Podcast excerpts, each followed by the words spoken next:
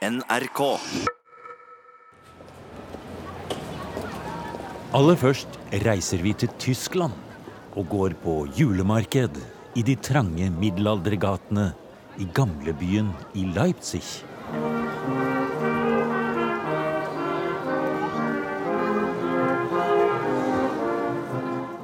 Nå er det glyvein og brente mandler og markedsboder overalt.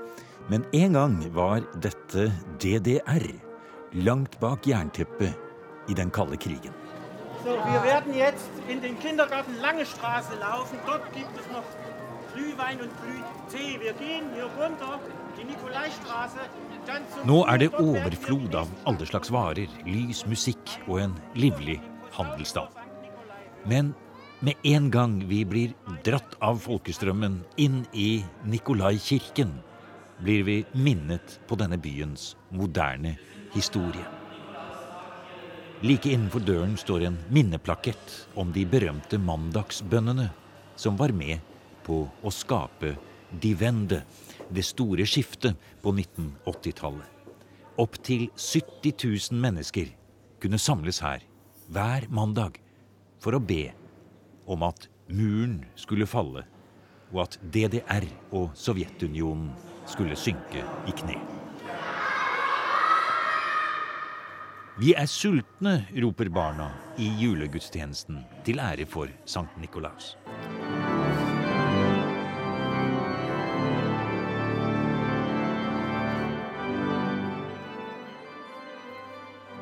Historien er tung i veggene her i denne kirken, som sammen med Thomaskirken var tilholdsstedet for den aller største av de kunstnere og mange komponister som har søkt til denne byen.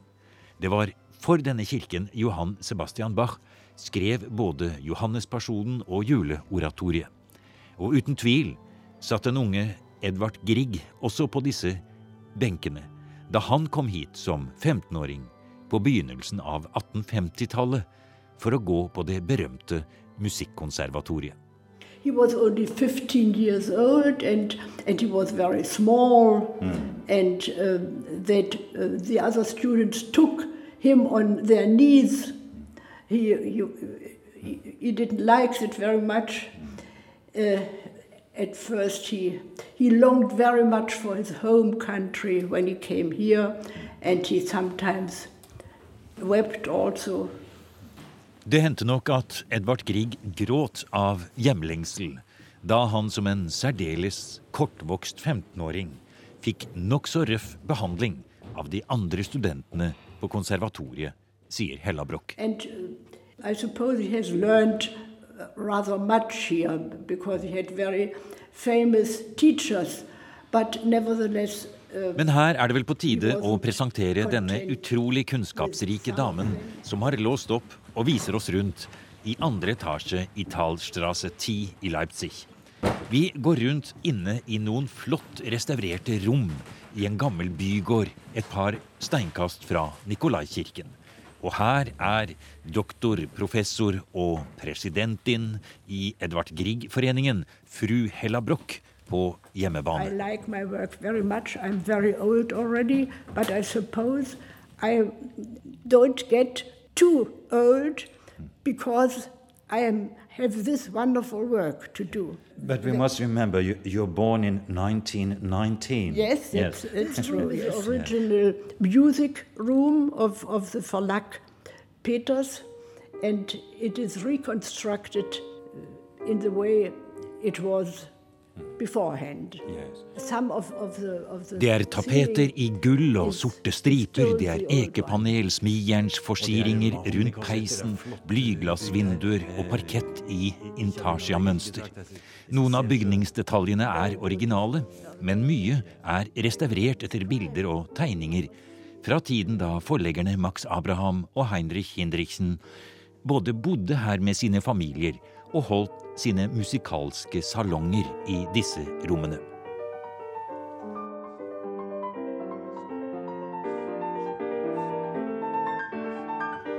Opp disse trappene, sier Hella Broch, kom Edvard Grieg begeistret inn når han hadde reist fra Norge og ville presentere en ny komposisjon for forlaget. Her spilte han selv f.eks.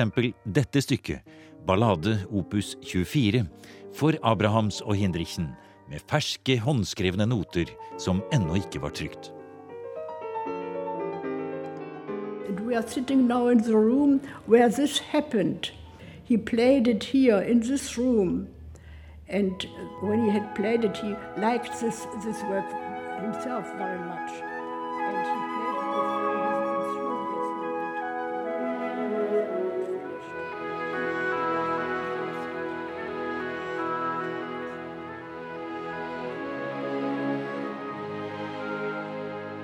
Her forlater vi Leipzig med morgenstemning av Grieg, som han arrangerte for orkester på et rom i tredje etasje i bygningen museum besøkte i 2006.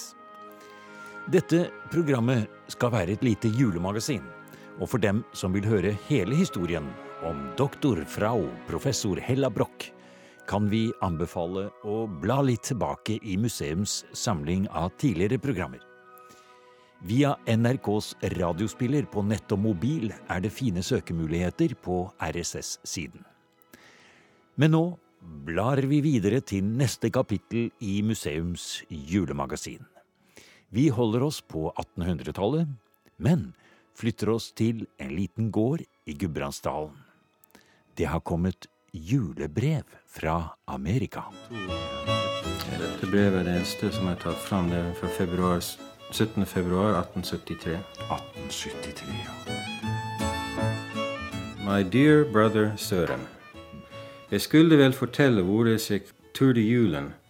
Jo, i vinter lever jeg hos en gammel, enlig tøllebar bukk fra Østre Slidre. Jeg steller en farm og kjører og hugger litt ved for Bård, altså i parentes mad, seng og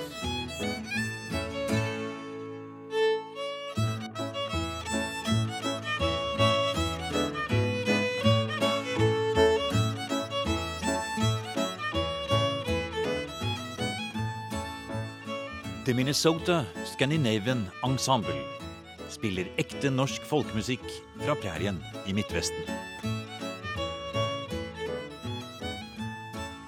Her er det Leonard Finseth, født 1911 i Drammen Township i Wisconsin, som spiller en scottish etter Alfred Storsveen.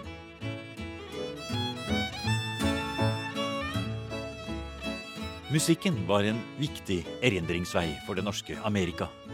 Ikke bare på 1800-tallet, men til langt inn i forrige århundre. Det er et ord jeg som ikke leser. Han til julaften. Til Skal vi se. Hvor er du her nå? Skal vi se. Det- Julaften, ja. Det er nå bestemt også. En annen måte å holde kontakten med gamlelandet på, var å skrive julebrevet fra Amerika. I hvert fall julaften. Meeting, meeting. Det er ja, det er det. Meeting. Er meeting. ordet. Det er meeting julaften. Eh, klokken to Ja. etter og juletre om aftenen. ja. Så får våre Gaver. Burn. Gaver. børn gaver. Ja. Børn. Direktør Knut Djupedal på Norsk Utvandrermuseum har tatt fram en stor bunke amerikabrev fra arkivet.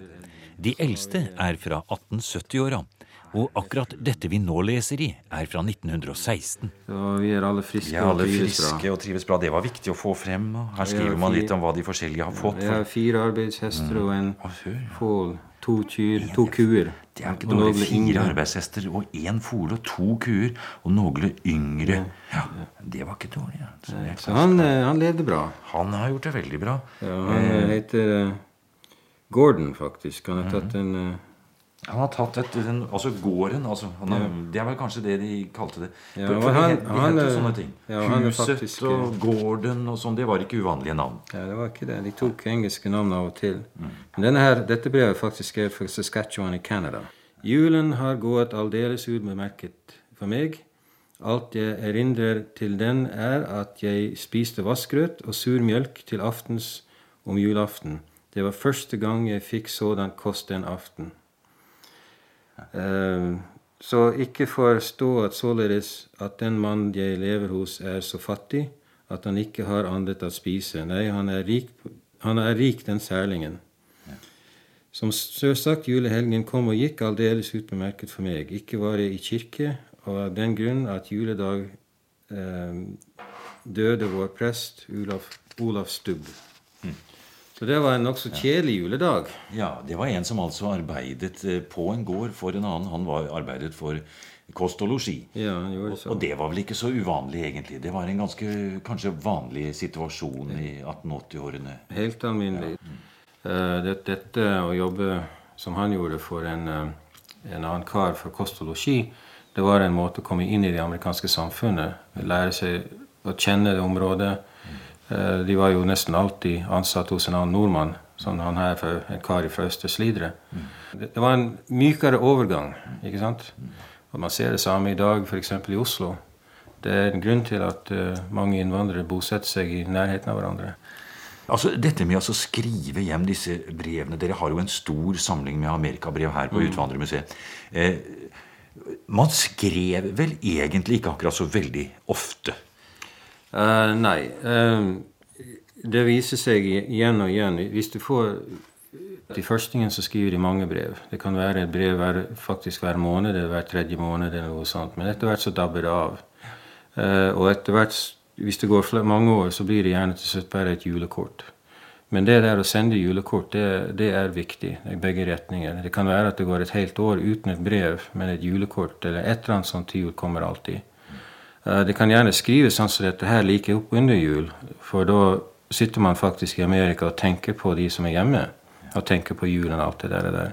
Så skriver man brevet, og vel vitende at det kommer fram etter jul. Men da viser seg det det, når, når det kommer fram, så kan folk vite at vi satt og tenkte på dere i Norge. sant?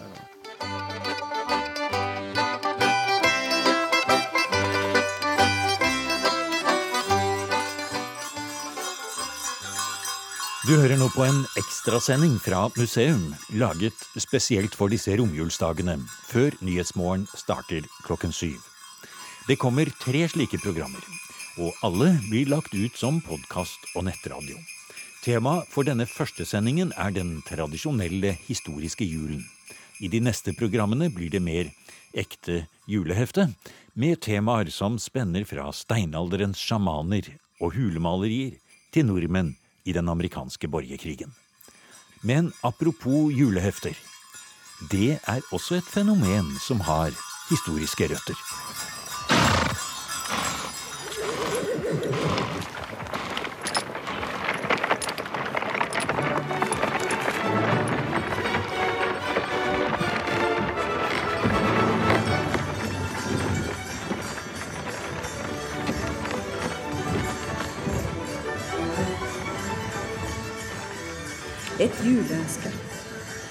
Julaftens dag var kommet. Det kunne man straks se på det liv og røre det var i alle gater og i alle butikker. Og det fortalte også de mange grønne grantrær som kom fra juletreskoven på torget. Klokken over døren vippede og ringede i ett vekk, som om den satt på ryggen på en kanehest. Og innenfor disken var madame Alfredsen og jomfru Strøberg uavbrutt i gang. Dørklokken, ja. Ringe det som satt den på ryggen av en kanehest, Marit Hosar. En, bare det en kanehest er det vel kanskje mange som ikke vet noe om i dag. Nei, men mange tenker jo på kanefart og hjul. Og da er det jo slede, hest, og nettopp at man dekorerer salen med masse klokker som skal ringe, bjeller som skal ringe, for man skal høre at man kommer. For det du leser nå, det var fra 1892. Det er et av de aller første juleheftene vi har i våre samlinger. Og eh, det introduserer for så vidt det moderne juleheftet. Og julehefter, julekort og tegneserier. Det er det en flott samling av på Opplandsarkivets Lillehammer-avdeling. Marit Hosar og Kirsti Krekling har plukket fram mange eksempler på denne juletradisjonen, som kanskje også kan fortelle litt om samtidshistorie, og de historiske forandringene julefeiringen har gjennomgått de siste tre-fire generasjonene. I likhet med Carl Nilsens maskerademusikk fra København anno 1800-tallet, som vi hører i bakgrunnen her, var det også fra Danmark de aller første juleheftene ble importert til Norge. Den første ekte norske utgivelsen fant sted i Drammen i 1817, sier museumskonsulent Kirsti Krekling. Det var nok de danske som var forbildet for oss. Og sammenligner vi dem, så ser vi at eh, bilder og innhold er nokså like. Men hvordan kunne de juleheftene ha sett ut som var helt å begynne med, sånn rundt i 1820-årene f.eks.? Ja, det var enkle saker. Hvis du tenker på det som vi er vant til i dag, med fargebilder og gulltrykk og vakkert i det hele tatt, så var det veldig lite illustrasjoner. Det var ren moral, på en måte. Det var nokså sterkt religiøst uttrykk i dem. Og gjerne litt moralske beretninger og fortellinger fra virkeligheten som på en måte skulle mane til litt humanitet i jula. Et slags folkeopplysningsprosjekt, kan man nesten si, da? Ja, og det ble sterkere og sterkere, det folkeopplysningsaspektet, etter hvert som tida gikk.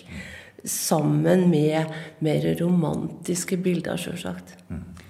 Altså 1892 det er det eldste vi har her. Og hvis vi ser her, Hvem er det som har gitt ut dette vi hadde fra 1892 her? Er det et norsk eh, Nei, sier vi København. Det er København. 'Børnenes juleroser' heter det. Ja, Og det er Ernst Bøyesen kunstforlag som har gitt ut. Og da i København. Og det har jo litt å si med at dette her er i utgangspunktet et dansk blad som heter 'Juleroser', som kommer første gang i 1881. Ja. Og det introduserte da den, nettopp den moderne tid for denne type julehefter, som ikke lenger bærer så preg av den religiøse fortellingen, men som har mye mer Kall det hele juletradisjonene, sånn som man etter hvert eh, ønska å formidle dem, med litt nasjonalromantikk. Eh, litt juletrær, julegaver, barn, pakker. Julegleden og julematen. I museums lille serie av juleprogrammer handler det i dag om de klassiske historiske røttene til den kristne juletradisjonen. Og da må vi se nærmere på når korset kommer til Norge. Vi går tilbake til et program fra 2001 hvor Steinar Bjerkestrand og Tor Sæter tar oss med til Mjøsas bredder ved Domkirkeodden. Og det er ekstra lav vannstand. Ja, Kraftverkene hjelper oss med det, for de tømmer Mjøsa hver vinter. Og om våren da er det lavvann og store strandsoner. Da ser vi rester etter, etter kaianleggene som lå her. Og folk som da vandrer i strandkanten og litt utover eh, det som da ligger under vann til vanlig, de kommer plutselig innom museet med ei spenne eller et potteskår eller et eller annet de har funnet, og lurer på er dette gammelt. Og veldig ofte er det det.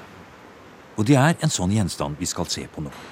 Inne i museet i den gamle bispegården, hvor bl.a. åkerskatten er utstilt, med tusen år gamle praktsmykker og kostbare gjenstander fra gravfunn, der er det en annen monter med et annet funn som Thor Sæther vil ha oss bort til. Inni her finner vi da bl.a. det eldste korset som er funnet på, på Hedmarken. Det er funnet rett nede på stranda her eh, nedenfor her hvor vi står nå. Og, Skal vi gå rundt her, ja? Og se, se, på det her. Og her ser du korset, ja. ja der ser du et lite, her, her henger det. Et, et, du kan se et lite Kristusbilde på, på, korset. Og det er et kors da sannsynligvis fra, fra 900-tallet.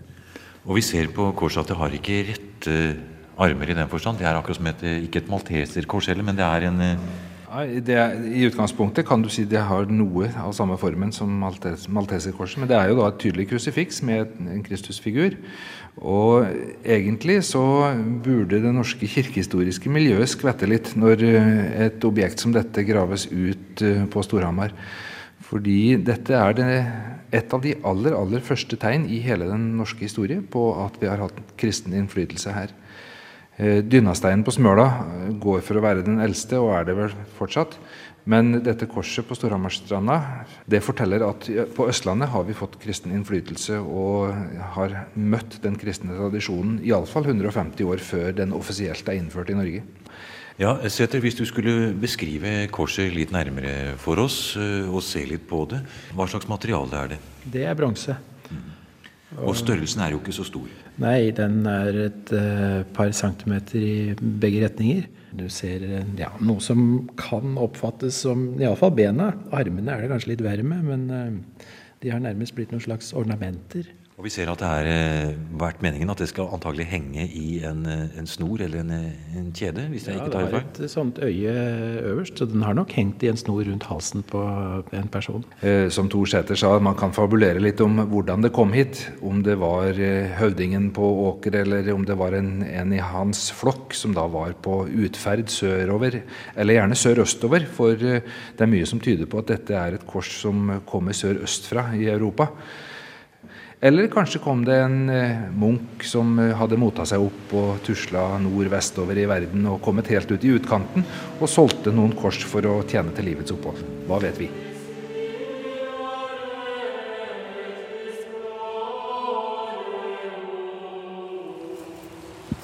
Det er et stengjerde rundt her, og veldig typisk eh, engelsk her nå, her vi er i Yorkshire.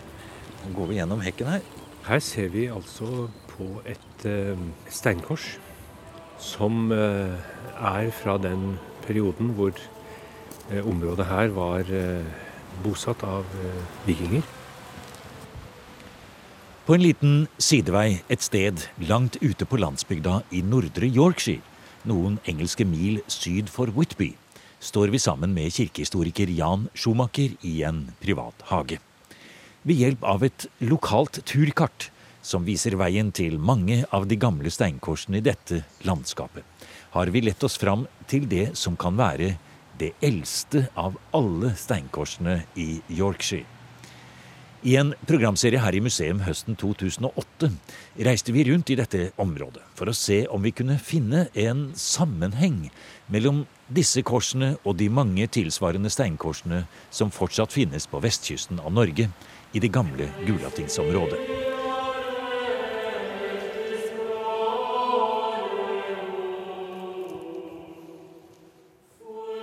Ja, her ser vi eh, rundt oss, takket være også det fine været, så ser vi jo eh, milevis rundt oss her. Og midt i dette synsfeltet så står et av de mange korsene som befinner seg her inne i dette landskapet. Vi ser ned i en dal med, med en liten landsby, eh, og vi ser dyrkede jorder men rundt oss her er dette karakteristiske landskapet med denne eh, nesten lilla lyngen som vi ser rundt oss så langt nesten øyet rekker her som vi står. Det som jo er litt interessant med det korset vi står og ser på her nå, eh, det er at det er jo nokså intakt, for der er også korsarmene med. Men det er slankt, og det er en 3,5 meter kanskje høyt, eller kanskje enda høyere, men ja, i det området der. Så det er høyt nok til at det på en måte tar hele landskapet, selv om det ikke er så voldsomt stort. Ja, det er, eh, det er lett synlig. Det er lett synlig for oss moderne turister som kommer kjørende langs veien her. Det er ikke vanskelig å forestille seg at det har vært, det har vært lett uh, synlig for de som kom eh, langs disse traktene her. Nei. Og som sikkert kjente det, visste om det korsets eksistens. Da, kunne, da, da, visste de også hvor de var kommet. Og det er jo så enormt flott område. Altså Vi ser faktisk horisonten rundt her. For vi står oppe på det høyeste punktet på, på denne åsryggen som går her.